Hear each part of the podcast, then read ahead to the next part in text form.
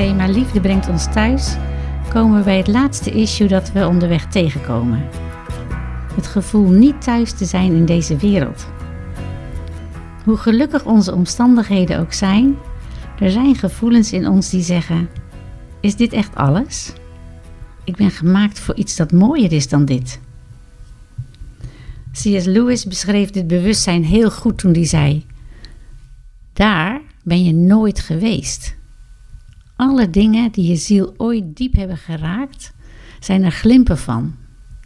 Beloftes die niet echt voldaan zijn. Echo's die wegstierven toen je ze net hoorde. Maar als het helder zou worden, zou je het weten.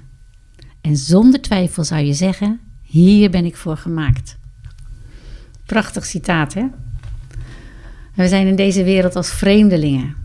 En al onze zintuigen roepen het uit: dit is niet ons thuis. En gek genoeg maakt het ons blij. Want weet je, dat betekent dat we ons bewust zijn dat er meer is.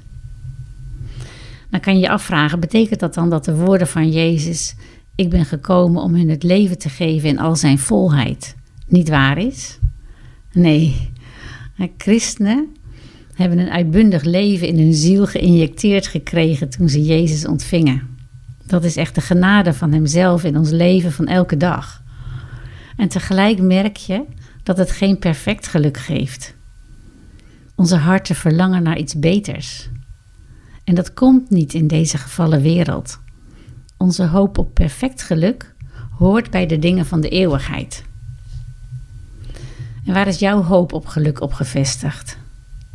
Op het hier en nu of op de eeuwige toekomst?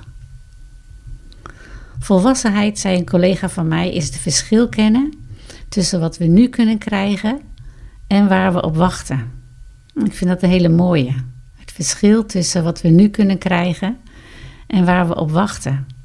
Want Paulus die vertelt ons dat we de eerste vruchten al hebben gekregen, maar dat de echte oogst nog komt. En dan hoeft het dus ook geen tegenstelling te zijn.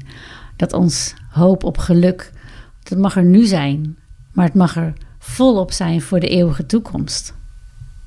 Onze harten kunnen niet leven zonder hoop en er is geen grotere hoop dan het vooruitzicht dat we op een dag bij onze Vader in de hemel mogen zijn. Het staat heel mooi in Colossense 1 vers 5. Ik vertaal het uit een Engelse vertaling.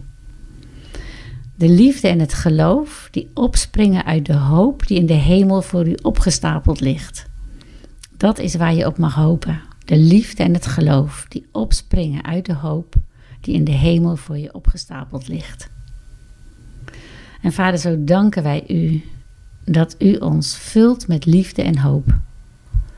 Dat we daardoor geluk mogen ervaren in deze wereld, maar dat we tegelijk heimwee mogen hebben naar het leven met u.